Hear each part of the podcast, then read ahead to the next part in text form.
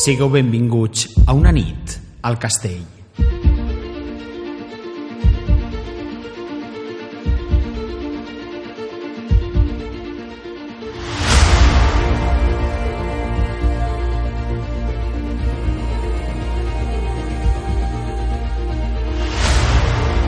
Una temporada més, aquest castell obri les portes i et convida a entrar per descobrir els seus secrets. Cada estança, cada racó ens proposa un viatge diferent per descobrir pot ser una inquietant història o un enigma sense explicació. Històries de la història, personatges fascinants, reptes de la ciència o enigmes de la ment. Com cada nit, partim a la recerca del més meravellós i insòlit de la nostra terra valenciana i molt més enllà. Sense cap límit i amb la ment oberta, durant la pròxima hora ens deixarem dur per la curiositat, la raó més poderosa per recórrer aquesta obscura fortalesa. Soc Juan Fran Ferrandiz i en l'alquimista dels controls Geles Ferrandiz vos proposem creuar de nou la vella entrada i passar junts una nit al castell.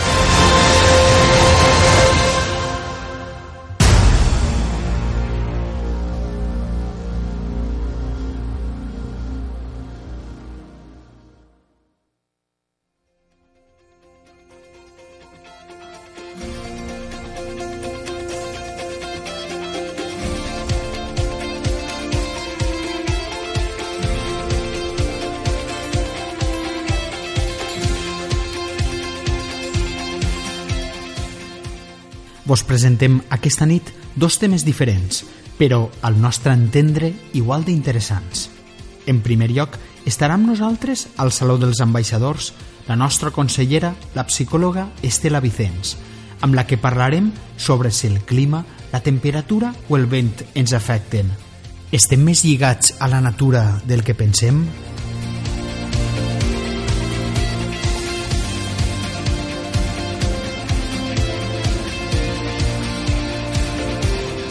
Després anirem al lloc més sinistre i fosc de la nostra fortalesa.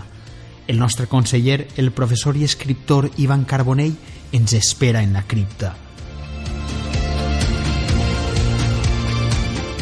Aquesta serà una nit de fantasmes al castell.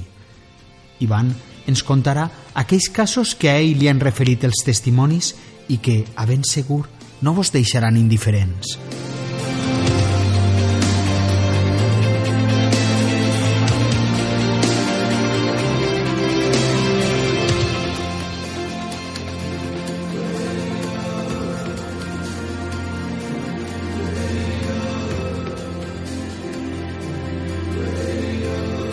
Temporada 3. Això és Una nit al castell.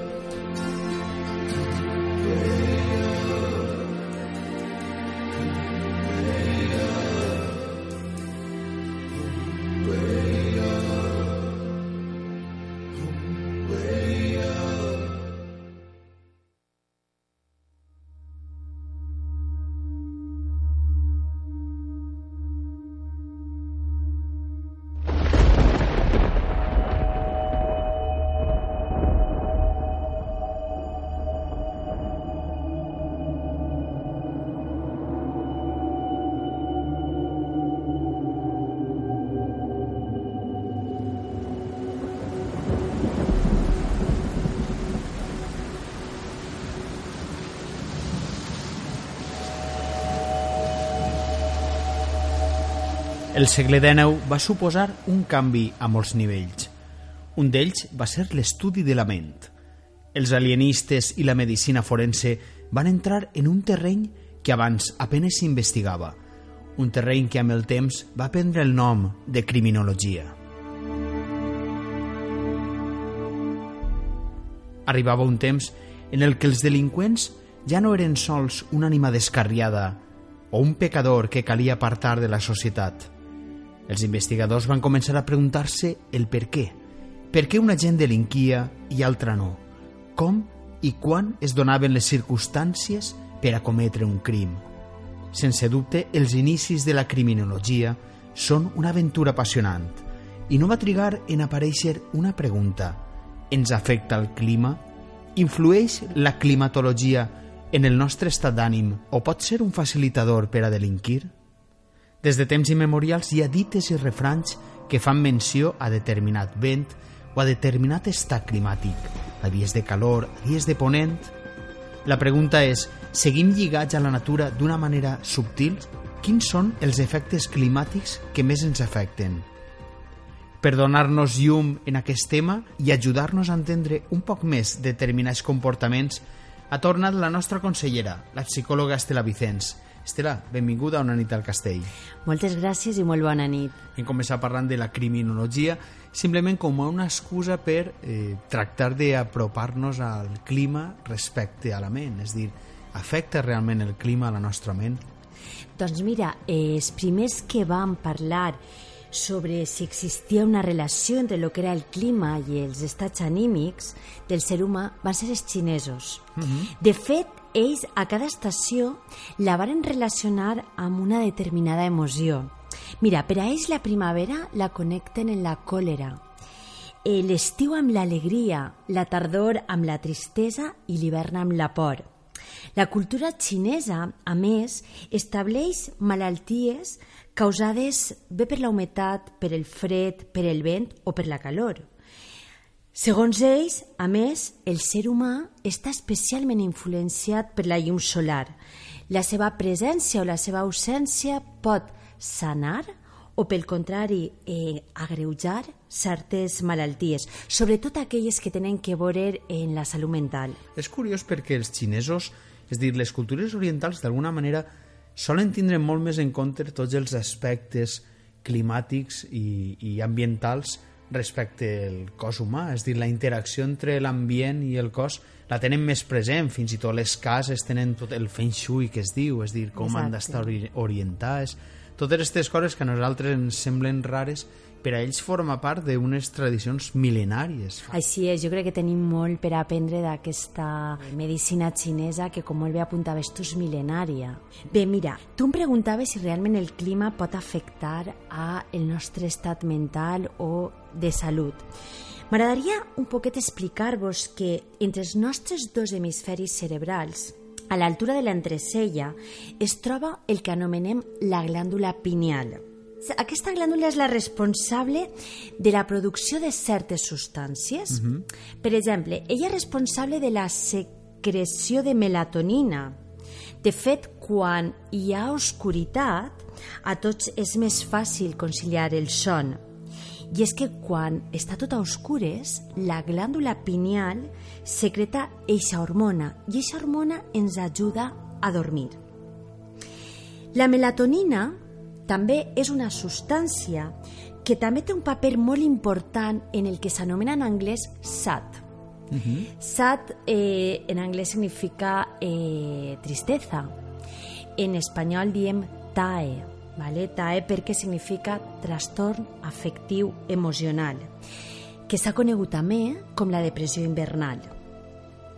Ja és... tenim una patologia relacionada amb, amb una època de l'any. Sí, ja si anem a trobar-se que per un costat anem a trobar estudis que creuen que això és així i altres estudis que parlen que no. Però bé, mira, eh, la depressió hivernal té una sèrie de símptomes. Són la tristea, eh, l'aïllament social, és a dir, jo penso que la, la tristea és una emoció que es caracteritza perquè no li agrada ser vista i quan mm -hmm. ens connectem en la tristea tendim a amagar-se, no volem relacionar-se amb la gent. Eh, què més? Eh, irritabilitat, apatia, és a dir, la falta d'energia. També tenim anedonia. Què és l'anedonia? La incapacitat per a sentir plaer, per a disfrutar. Connectem en la culpa. Hi ha també una pèrdua d'interès per a aquelles activitats que abans ens agradaven i que ara sembla que no ens apetís tant fer. N'hi ha dificultat per a concentrar-se i després respecte al son poden passar dues coses. O bé que sofrís d'insomni, és a dir, no puc dormir, o que estic com somnolienta tot el dia, no? I en els casos més greus es trobem que podem tindre una sensació de desesperança e ideació suïcida, és a dir, uh mhm. -huh. que per el meu cap comencen a aparèixer pensaments del tipus que res té sentit i que vull que acabar amb tot. I això podria ser també causa d'agressivitat? Sí, Sí, perquè, com el comentava, està la irritabilitat. Però n'hi ha un altre element que després parlarem que encara està més relacionat amb la violència i que a més hi ha estudis que així n'estan demostrant. En aquest cas el que influeix és el, la llum del sol, no? La llum del sol. De fet, aquest tipus de depressió es dona molt a països com Suècia, Finlàndia, Rússia, on sabem tots que allí precisament hi ha molt poquet sol i sobretot en hivern. Però, clar, no sols podem responsabilitzar a la melatonina d'aquest trastorn, perquè també hi ha una substància química que també juga un paper important, que és la serotonina, que també es veu afectada amb la variació de llum, ja que quan realment n'hi ha poca llum, els nivells de serotonina nostres baixen i quan n'hi ha molta llum es disparen. Mm -hmm. Llegia jo fa molt poquet que en Amèrica hi ha estudis en els quals l'índex de criminalitat augmenta en els dos mesos d'estiu, juny i juliol especialment, i curiosament en desembre. Clar. En aquells mesos pot ser que siga altre dels elements, que és la temperatura, que parlarem després, no? però sí que és possible perquè en el propi estudi sorprèn el que siga en ple hivern i és que desembre és el mes més fosc. És a dir, podríem estar parlant també que aquesta foscor no podria influir en determinades conductes agressives. Podia, no, és que pot, perquè realment eh, l'agressivitat jo la puc treure cap a fora, és a dir, agredir a una persona, que a una tercera persona, o cap a mi mateixa, és a dir, puc autolesionar-me, puc suïcidar-me. Per tant, és de veres que a l'hivern hi ha un pic molt fort de morts violentes. Mm -hmm. Podríem seguir. Quin altre element? Hem parlat de la llum, més que de la llum podríem dir de la foscor, com a un dels elements que ens afecten químicament. Eh, eh, químicament, fins al punt d'estar de, parlant de suïcidis, de... no estem parlant simplement de trobar-nos un poc més apàtics, estem parlant de casos en els que és un extrem, no? i els extrems lògicament porten a conductes com l'agressivitat, la violència, el suïcidi però hi ha més elements que influeixen, no? Més... Sí, hi ha un element que és la calor, que em preguntaves abans, no? La temperatura. La temperatura, així és. Mira, recentment, i quan dic recentment, crec que aquest estudi s'ha publicat a desembre de 2018, és a dir, està calentet, no? Bé, tenim un grup de, de científics espanyols que han relacionat les onades de calor amb l'agressivitat. De fet, ho han publicat a una gran revista, que és la revista Science of the Total Environment, que parla sobre la climatologia,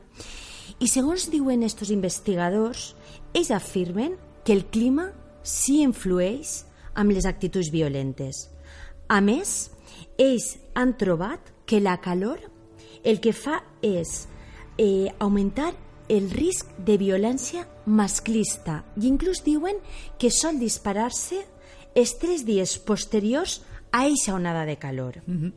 Què han fet, a més? Se n'han anat els informes policials, que tu saps que és allà on la gent va a denunciar, i han trobat val, que a l'endemà d'una onada de calor és quan més violència masclista hi ha.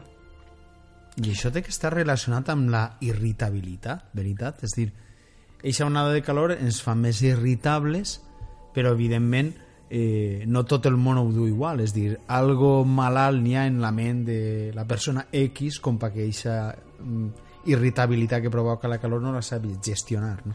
Sí, i a més també hi ha que tindre en clar que, que es parla de que n'hi ha persones que són meteorosensibles. No uh mhm. -huh. tots tenim el mateix nivell de sensibilitat. És a dir, n'hi ha persones com a que estem més desconnectades, no? però n'hi ha gent que és especialment sensible als canvis climàtics. Sobretot aquelles persones... Jo vull que quede clar una cosa, i és que els canvis climàtics no precipiten les enfermetats uh -huh. o els mhm. trastorns. No, no, no. És a dir, agreugen persones que ja tenen un diagnòstic damunt de la taula de depressió, de, de trastorn antisocial de la personalitat, és a dir, persones que ja la seva forma de ser o la seva forma de funcionar mentalment com a que no està bé.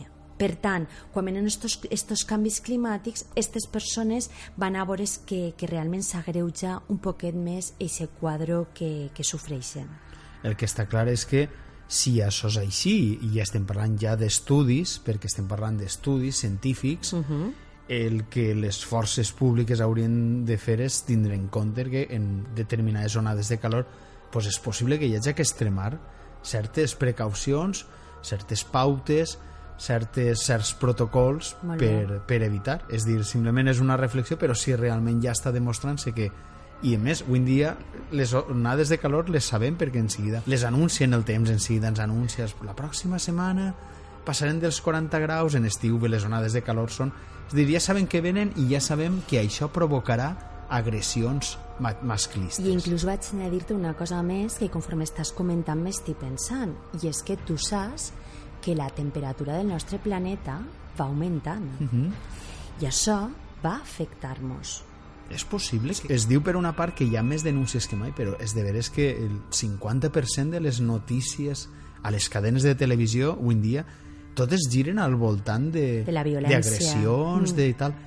Jo no ho havia pensat, però el canvi climàtic estarà afectant-nos a les nostres ments i aquell que fins ara bueno, tenia una certa tendència agressiva ara ja la sensació és que o, o hi ha algo que l'impulsa no? a, a donar aquest pas que a lo millor abans no es donava i ara està donant-se perquè és exagerat no? la quantitat de les manades ixen per tots els llocs i violacions en grup certes coses que hauran estat ahí però últimament estan a l'ordre del dia El fa que pensar, el fa que pensar perquè el planeta està canviant. i al mateix temps passa el noticiari i quan arriba el temps el diuen els últims 5 anys han sigut els més calorosos des de que es tenen registres de temperatures i no és sol filar una cosa en l'altra nosaltres així estem d'alguna manera lucubrant sense més ambició que simplement reflexionar però Però posant damunt de la taula una situació que estem demostrant que realment eh, està relacionada i que tindrem que plantejar quina estratègia o què podem fer, perquè si no la veritat és que el futur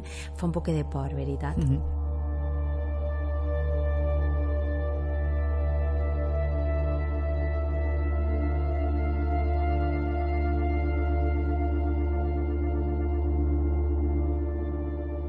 Bé, el tercer element que, que afecta és el vent.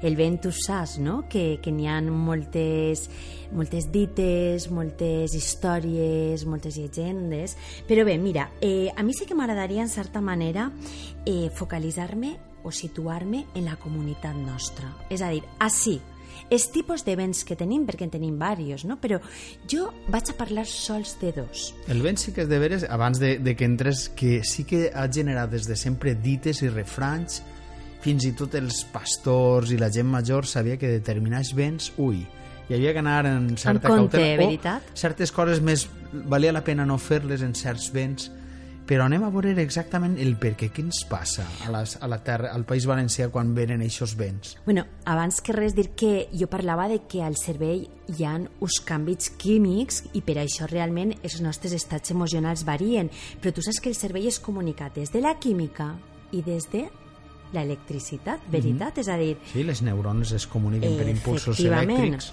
Què passa en el vent? Doncs que el vent el que va fer és variar en la polaritat e intensitat de la càrrega iònica de l'atmosfera.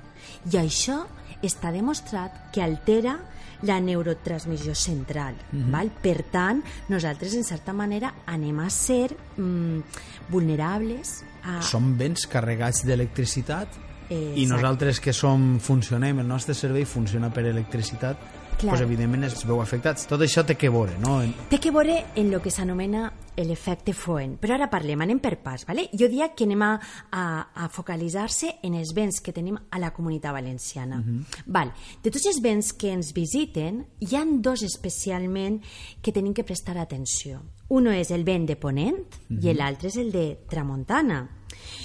El de Tramuntana on s'origina? Doncs mira, el de Tramuntana s'origina al massís central francès i als Pirineus. Val? Inclús aquest vent pot arribar una, a una velocitat de 200 km per hora. Uh -huh.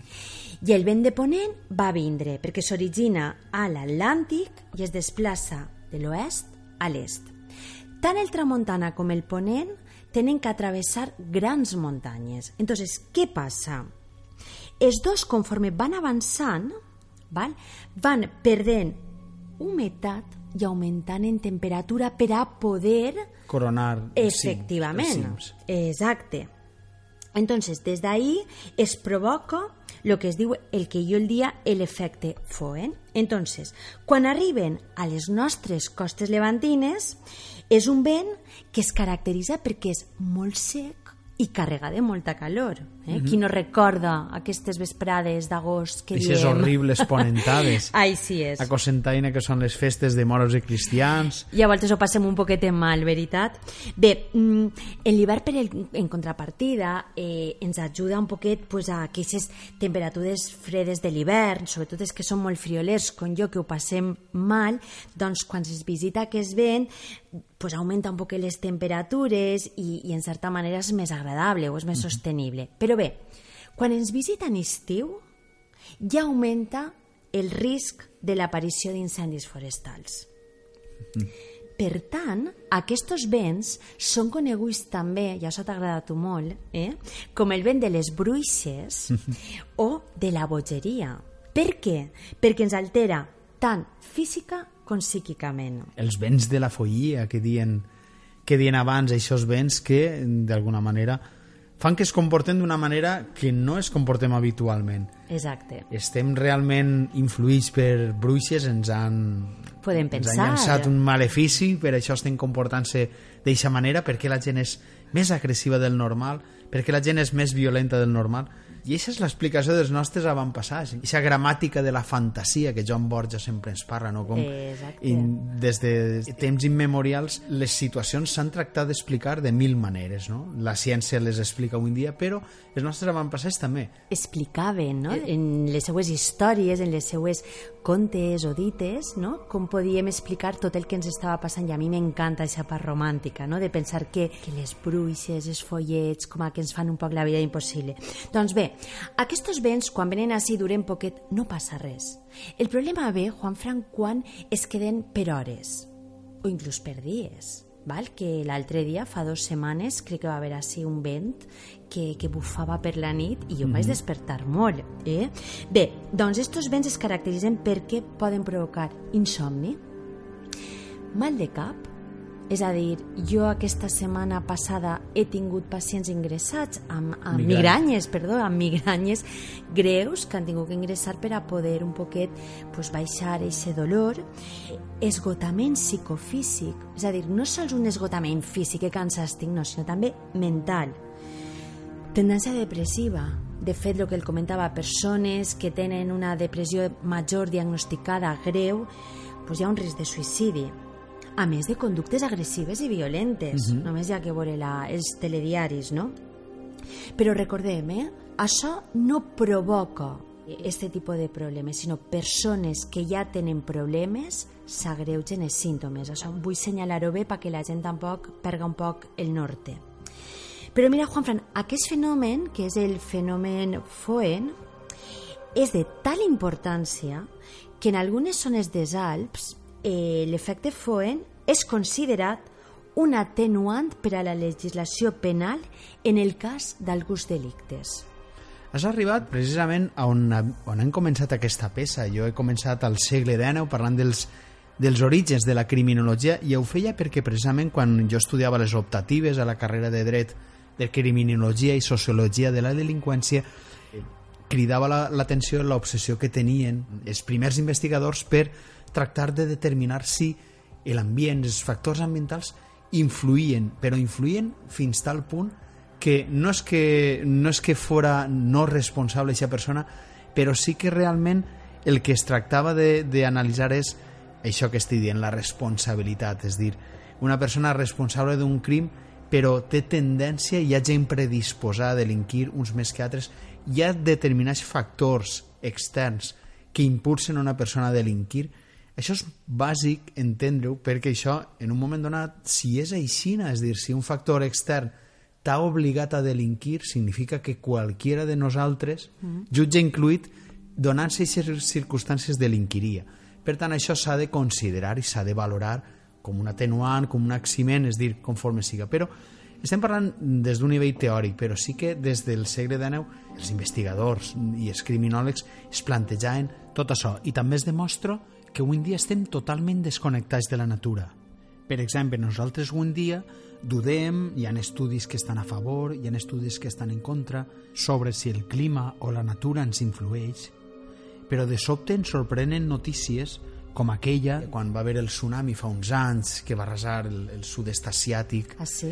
la famosa notícia de que va haver una haver tribus que unes hores abans simplement es van retirar dels seus poblats i se'n van anar a les altures, a, a zones més altes i això s'ha investigat i la resposta que diuen ells és que ells saben llegir el llenguatge de la natura i algo van veure en el mar que sabien que anava a passar alguna i simplement se'n van anar, és dir, nosaltres això ho hem perdut absolutament. Completament, és a dir, nosaltres estem convertint-se en persones eh, sordes, cegues, i ni sentim ni veiem. I se'ns oblida que nosaltres formem part del planeta Terra, és a dir, el ser humà és terrestre i vulguem o no vulguem per molt que viscam en una societat cada vegada més basada en la tecnologia, el que li passa a la Terra ens passa al ser humà. I en psicologia per supost, tenim molt en compte els factors, eh, nosaltres parlem d'estressors mitjambientals, perquè sabem que sí que ens afecta pues anem a deixar-ho així, Estela. Nosaltres aquesta peça la volíem fer per recordar precisament que som part de la natura i estem connectats i, i el que passa en la natura ens afecta, no?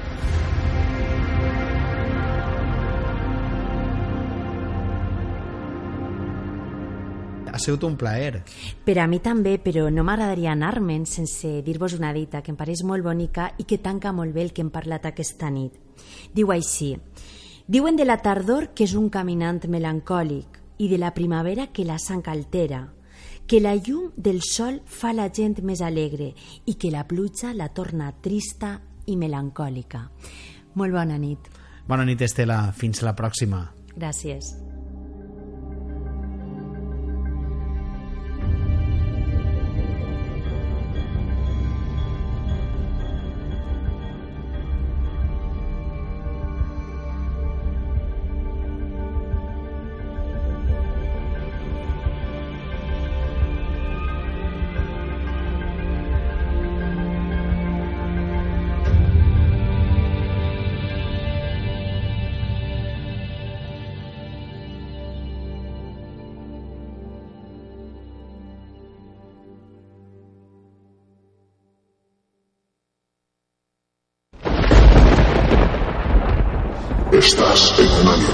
Al castell, castell.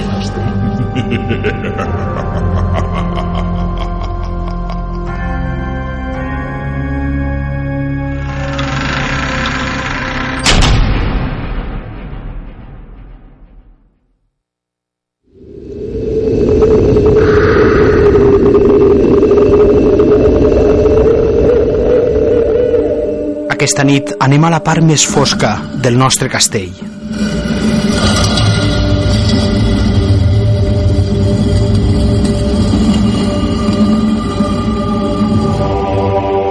Ens trobem a una antiga i freda cripta, on hi ha làpides tan gastades pel temps que no podem ni imaginar qui reposa al fosc i silenciós interior. És un lloc de tombes antigues, lúgubre i fosc, i ens pareix escoltar els xiu-xiuejos portats per una freda brisa, veure com si determinada ombra es desplaçarà de lloc i, sobretot, notar la inquietant sensació que no estem sols, que entre les làpides gastades i figures algú ens observa. Llavors ens pareix que un alefret ens ha respirat al coll i l'espant ens recorre de dalt a baix.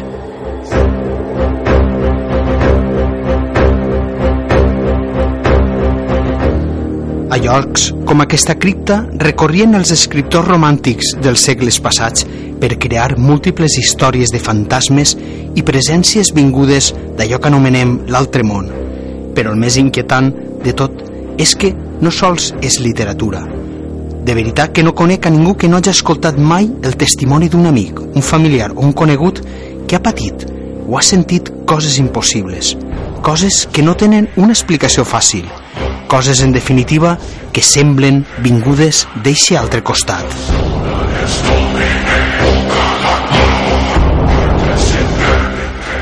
Nosaltres al castell no tenim ni autoritat ni coneixements suficients per explicar per què la humanitat segueix tenint eixes experiències, reals o imaginàries, Però aquesta nit el que volem és conèixer més experiències estranyes, testimonis impossibles que algú ha viscut o ha contat i que cadascú ho interprete com vulga.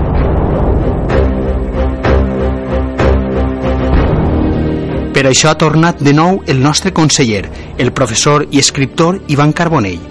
Ell no sols s'ha atrevit a recollir-ne, amb total respecte per els testimonis, sinó que les ha compartit amb tots en el seu llibre Fantasmes al Palau, d'Edicions Buyen, un dels nostres llibres de referència, com tots sabeu.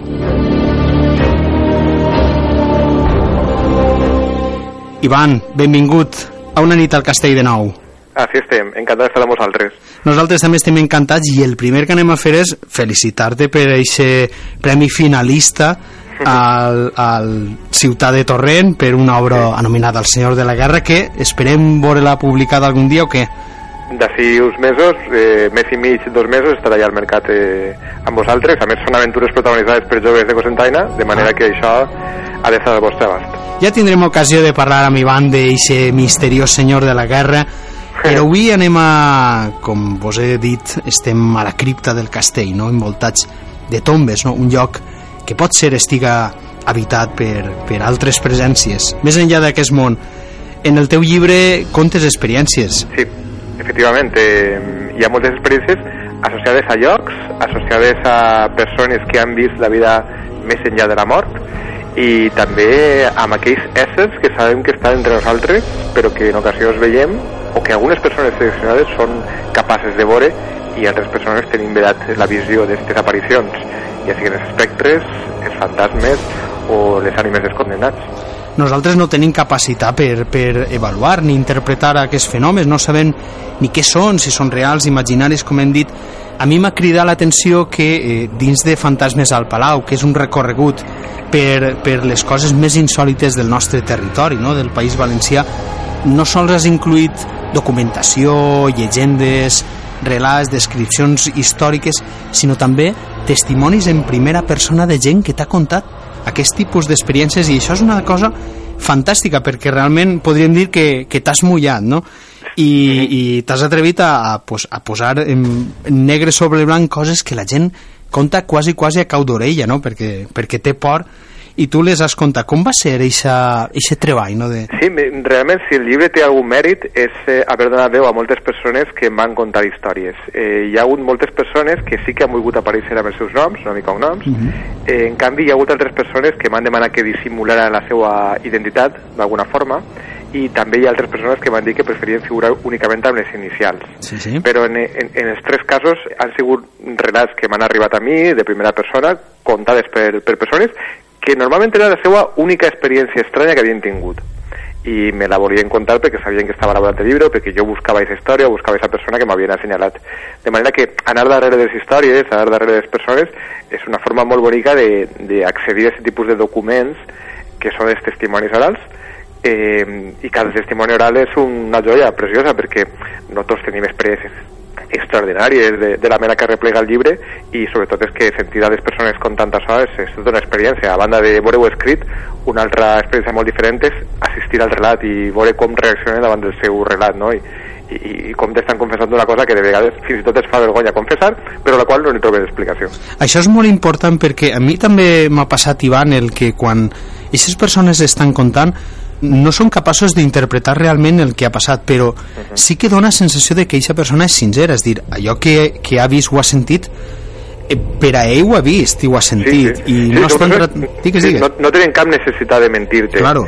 eh, i de fet moltes persones et diuen mira, jo no crec en aquestes coses però m'ha passat això i no li trobé cap tipus d'explicació. De manera que són testimonis molt, molt autèntics i molt fidels, que no són persones que intenten vendre fum, al contrari, fins i tot et diuen, mira, no tragues el meu nom perquè és que jo no ah. estic segur de tot això que he vist i que m'ha passat. De manera que si volgués autoritat o fama, eh, figuraria amb el seu nom i cognom. Però no, no, no és per això. És, volen relatar una experiència molt forta que els ha passat i, i, i és, una, és molt bonic assistir a com t'ho narren i veure com s'emocionen recordant el moment. Hi ha una característica comuna. Tots recorden perfectament la situació, per, eh, tot i que fa molt de temps que ha passat, saben relatar-la perfectament i experimenten bastant bé el que van experimentar en aquell moment.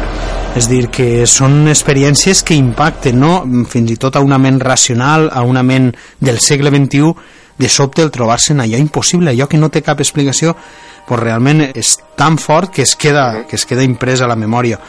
Anem a parlar, Ivan, em proposaves començar parlant d'aparicions. Quines experiències Sí. t'han contat sobre apareguts, que és un tema que es glalla? Sí, i, eh, i a més són experiències, les desapareguts, eh, que tenen un costat molt humà, tot i que siguin sobrenaturals, no? Eh, mira, una de les experiències més boniques que m'han narrat i també mm, que m'han impressionat més eh, va ser a la localitat de, de Ventamina, que està pegada a Bunyol, Mhm. vinculada a Bunyol. Eh, ahir el iaio d'un amic eh, havia tingut un amic de joventut que havien sigut molt amics, però per aquelles coses de la vida s'havien barallat i s'havien distanciat. Un dia que ell entra a sa casa i se'n va al llit, a la seva habitació a dormir, eh, es troba el seu amic assegut al seu llit i li diu que, eh, que sí, que s'havien barallat feia molt de temps, feia molts anys, però que ell volia fer les paus amb ell, no? En aquell moment aquell home no es pregunta perquè el seu amic està dins de sa casa i al seu llit.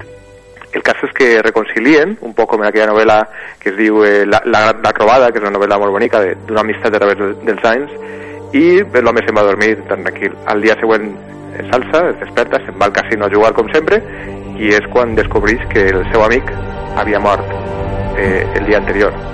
De manera que no podia estar en aquella habitació, però ell l'havia vist. Jo, quina experiència.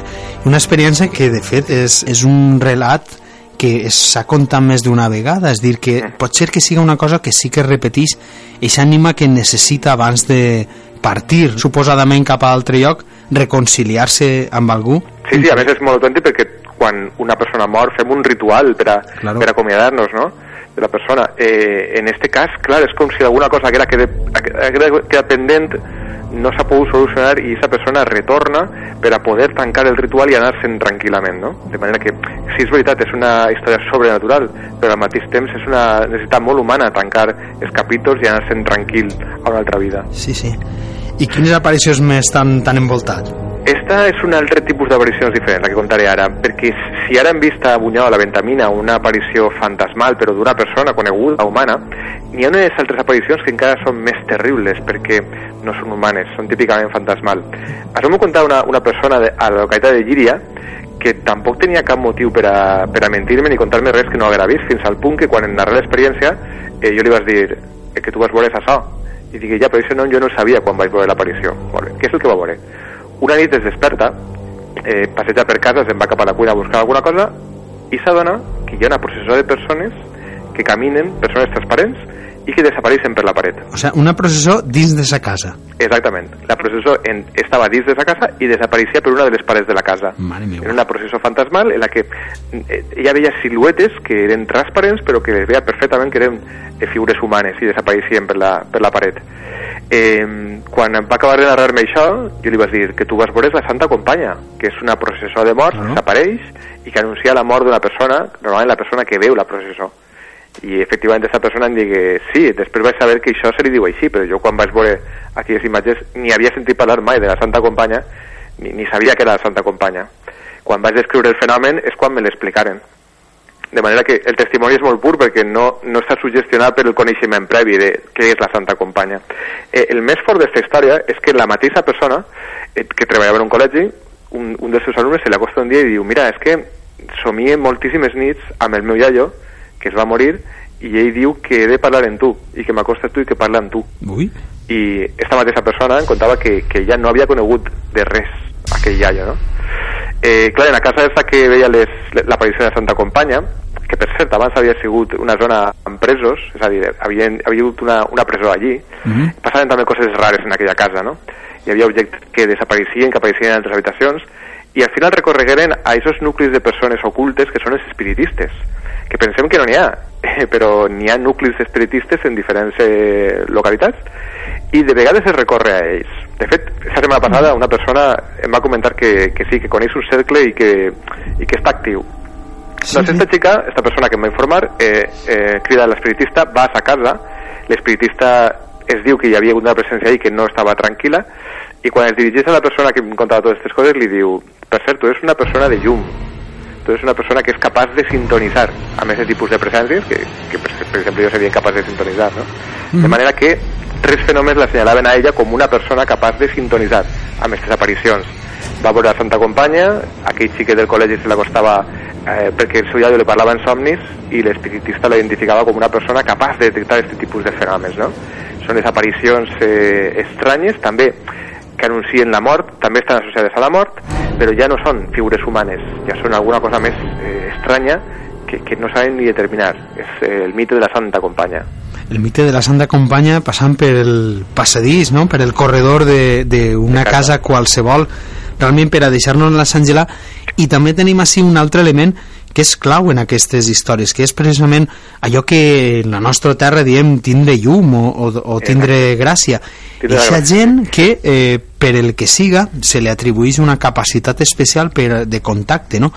de vegades buscat i de vegades mm, involuntari. És més, de vegades rechaçat expressament, no? perquè si la persona no vol saber-se'n res d'aquest altre lloc i sin embargo es veu obligat o les circumstàncies li posen per davant tot tipus d'experiències i, i moltes d'elles aterradores. Exacte. Esa gent de llum que no han triat aquesta capacitat per a tindre contacte o capacitats especials, que després resulta que poden trencar l'enfit, aquest tipus de rituals, Mhm. eh, poden acceptar eixe do que tenen, eh, ser-ne indiferent, com la persona que m'ha narrat això, que era absolutament indiferent, eh, o bé rebutjar-ho.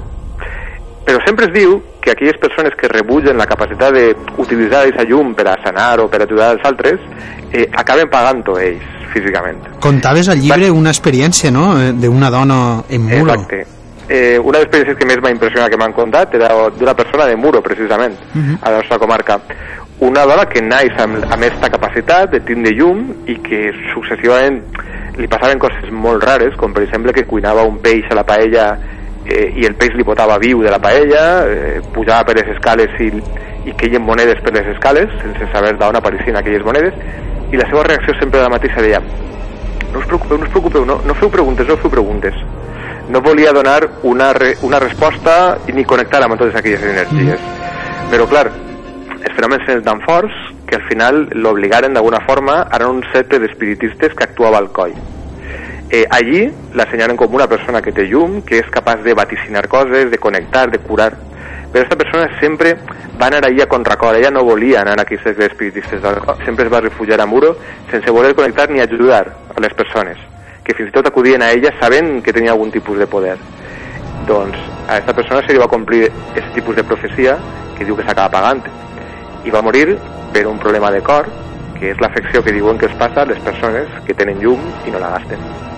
una experiència realment aterradora i ens pareix, eh, ens pareix una fenomenologia molt violenta però realment hi ha molts, molts testimonis que parlen de coses realment impressionants i, i gent fins i tot que, que vola pels aires és dir, la fenomenologia d'esta gent que es nega no, a, a, a entrar en este joc eh, és, és molt virulenta Doncs mira, eh, t'acabo de parlar d'una persona major de, de, de Muro, però, però ara pensem en els xiquets. Mhm. eh, sempre associem aquest tipus de poders, no?, a gent major, eh, a aquesta dona apartada, estranya, però pensem-ho també aplicat als xiquets. Eh, en el cas de Xèrica, que és, una localitat molt bonica de l'Alpalància, em parlàvem d'una xiqueta. Esos xiquets estranys que van sempre un poc solitaris, que van a la seua, Mhm. jo, jo vaig veure una, una xiqueta d'aquest estil també a la mateixa comarca i també una veïna del poble em digué, no a Xèrica, sinó una localitat del costat, Soneja, i una, una persona de la localitat em digué, aquesta xiqueta sempre juga sola, estava pujant dels arbres, no sempre va sola, és una xiqueta estranya. Ai. Doncs una xiqueta com eixa vivia a Xèrica i era una xica molt rara que sempre anava a la seua, no? I una nit, una persona del poble la va veure baixant per la costera del cementeri li va preguntar alguna cosa i aquella xiqueta li va parlar amb una veu que era eh, profunda, estranya, que no podia ser de xiqueta, no? Eh, I mai se li va trobar explicació a aquell fenomen, no? Aquella xiqueta que a més a més estava malalta i sempre estava molt primeta, i cada volta més prima, i de la qual no, no se va saber gran cosa. Són aquests xiquets estranys i apartats que sembla que connecten també eh, amb alguna força que no, que no se sap explicar, no? Eh, aleshores tenim els, els dos casos, la persona major que rebutja la llum, Mhm. la xiqueta xicoteta que sembla ser que té algun contacte i que està marginada de la societat. Sí, I després sí. tenim aquells que juguen eh, amb poders que segurament no controlen i que es passen coses eh, que són també estranyes però que no són buscades. t'estic parlant concretament d'un cas que em van contar a la localitat del Saler, Mhm. en què un, un amic meu estiuejava allí amb la seva família i ell era xicotet i excitava, però els pares després ell pensava que feien tertúlia. Ell estava dormint i un somni se li va repetir aquella nit. Somiava amb una xiqueta que estava tancada dins d'un got i que no podia eixir. La, la veia perfectament, amb els seus cabells llisos. Una xiqueta dins d'un got, era una visió. Dins d'un got. Un Una visió, està, està somiant amb aquella xiqueta tancada en un got del qual no pot eixir i és una xiqueta que sap descriure perfectament, amb els cabells llisos. Ell Sí. pega un mot, es desperta, comença a plorar, angoixat i se'n va corrent a buscar a sa mare i a son pare. I es descobreix que estan en el menjador amb els altres pares, el que ell pensa que és fer una tertúlia. I li pregunten que, assenyalar el que li passa, ell conta el que ha somiat i nota que tota la gent que està ahí en aquella reunió es queda callada.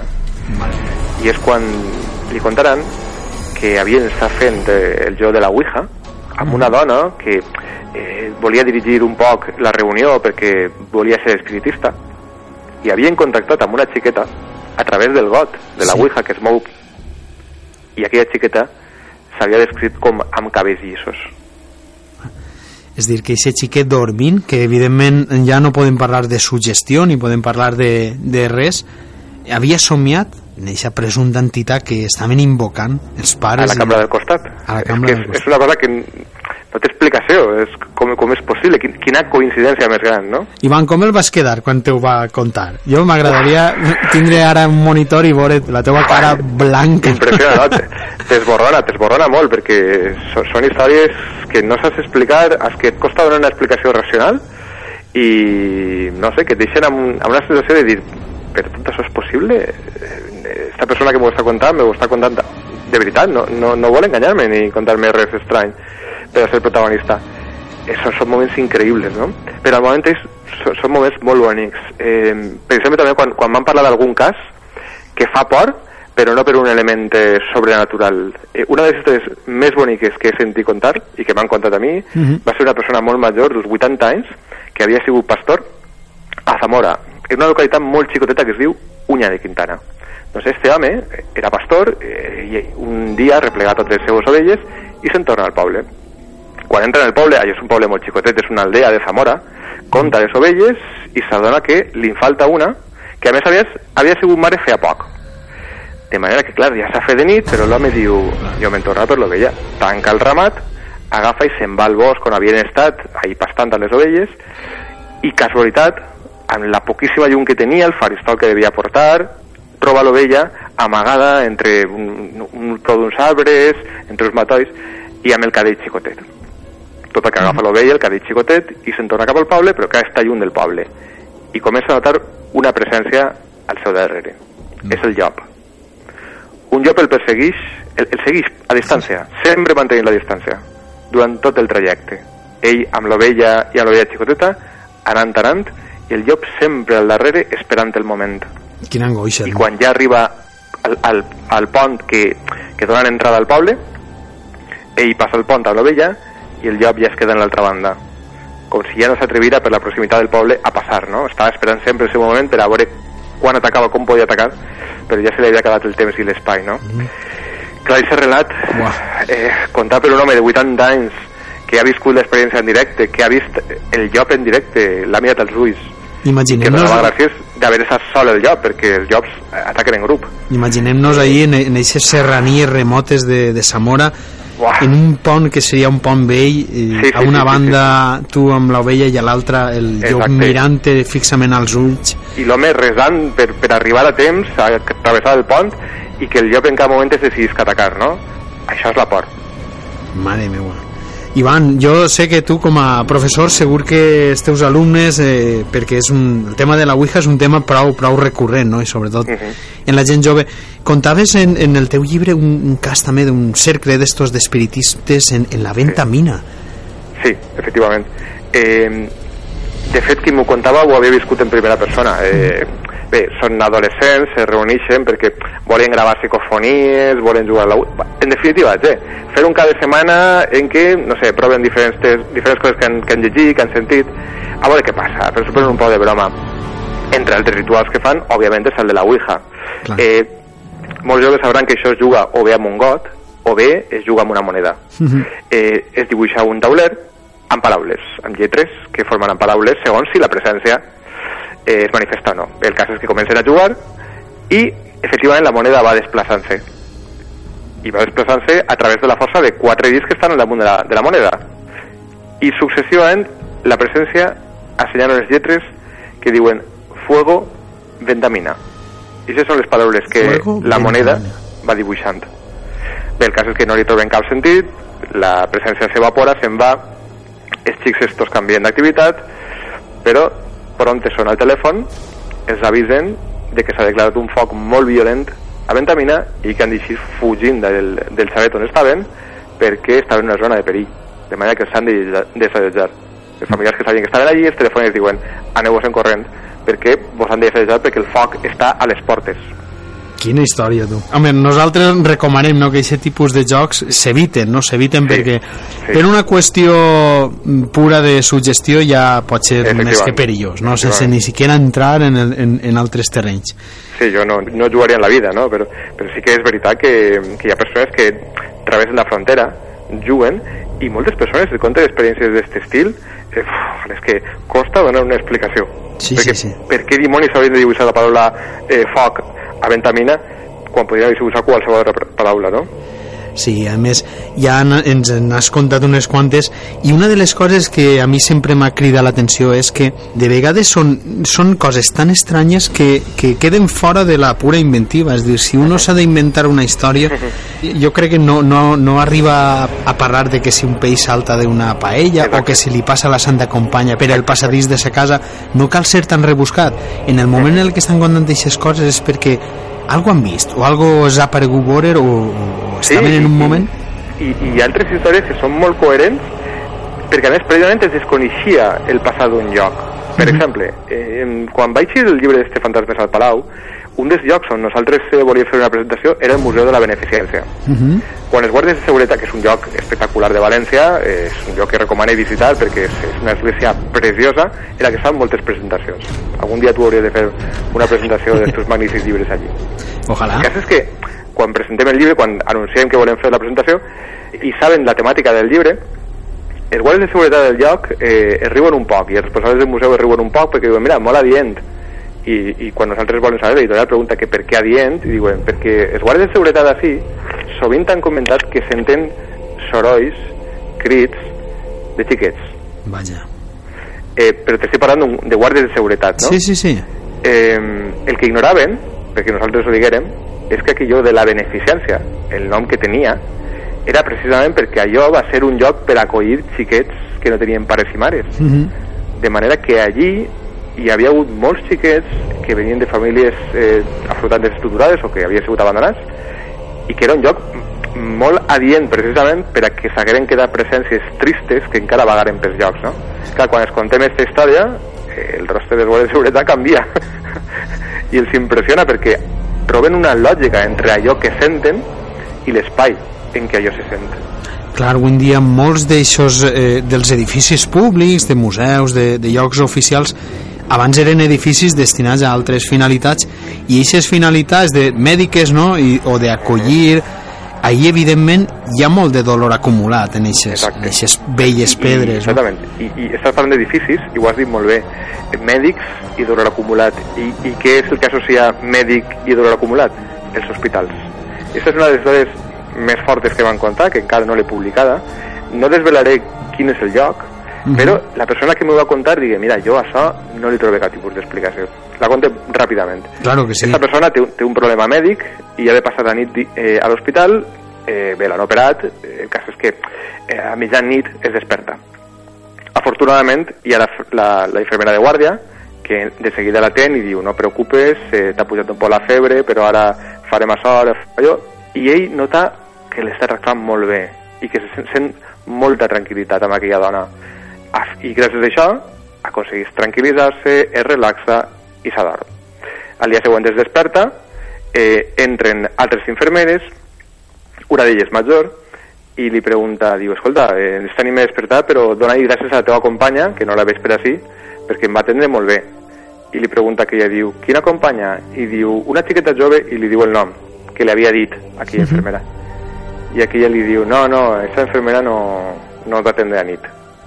I aquesta persona que conta la història diu, sí, sí, sí, que de veritat, donaré les gràcies perquè és que em va atendre molt bé. I de sobte la infermera de talla i diu que no, que a nit no va atendre ningú.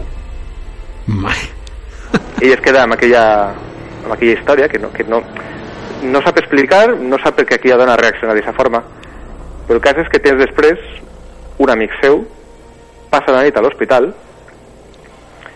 i quan es recupera parla amb ell i li diu, escolta, no podràs imaginar-te el que em va passar una dels nits que vaig passar allí.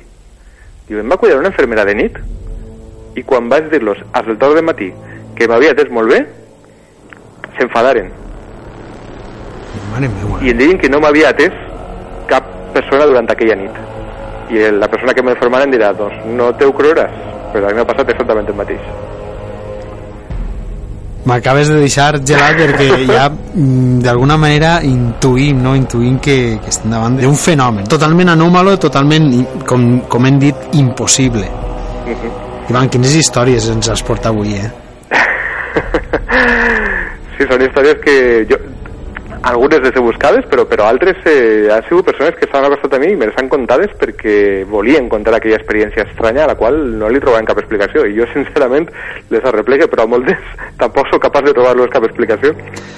pues, si vols anem a deixar-ho ahí, Ivan, perquè a mi m'agradaria que tornares molt pronte, no? perquè tens més històries que contar d'estes o d'altres tipus i, i bueno, ja ha sigut tot un plaer, no? tot un plaer fer aquest viatge per la nostra cripta, no?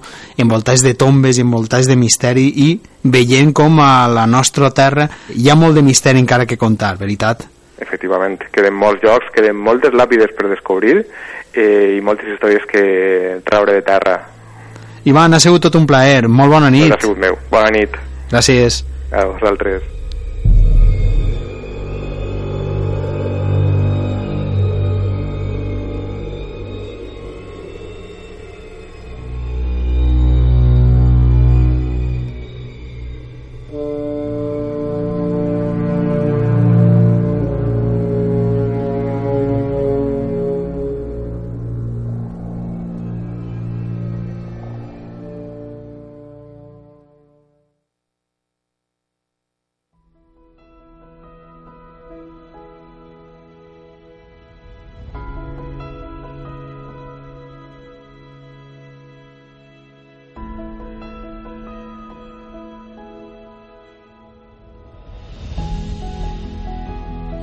Aquesta nit, amb Estela Vicens, hem comprovat com el clima ens afecta i encara seguim units a la natura.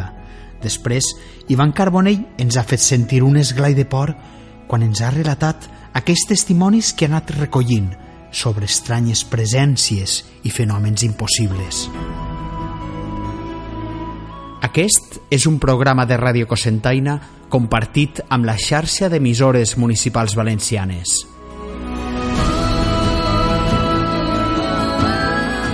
Ens podeu escoltar també en podcast a la plataforma iVox i també trobareu l'enllaç a la nostra pàgina de Facebook anomenada Una nit al castell. Si teniu qualsevol suggeriment o voleu participar en aquest programa, ens podeu escriure al correu electrònic unanitalcastell arroba gmail.com Les llums van apagant-se i la fortalesa queda envoltada d'un silenci misteriós fins la tornada dels nostres consellers, que vindran amb noves històries. Vos ha parlat Juan Fran Ferrandiz. Als controls, Geles Ferrandiz. Emetent des del comtat cap a l'univers. Gràcies per acompanyar-nos i passar junts una nit al castell.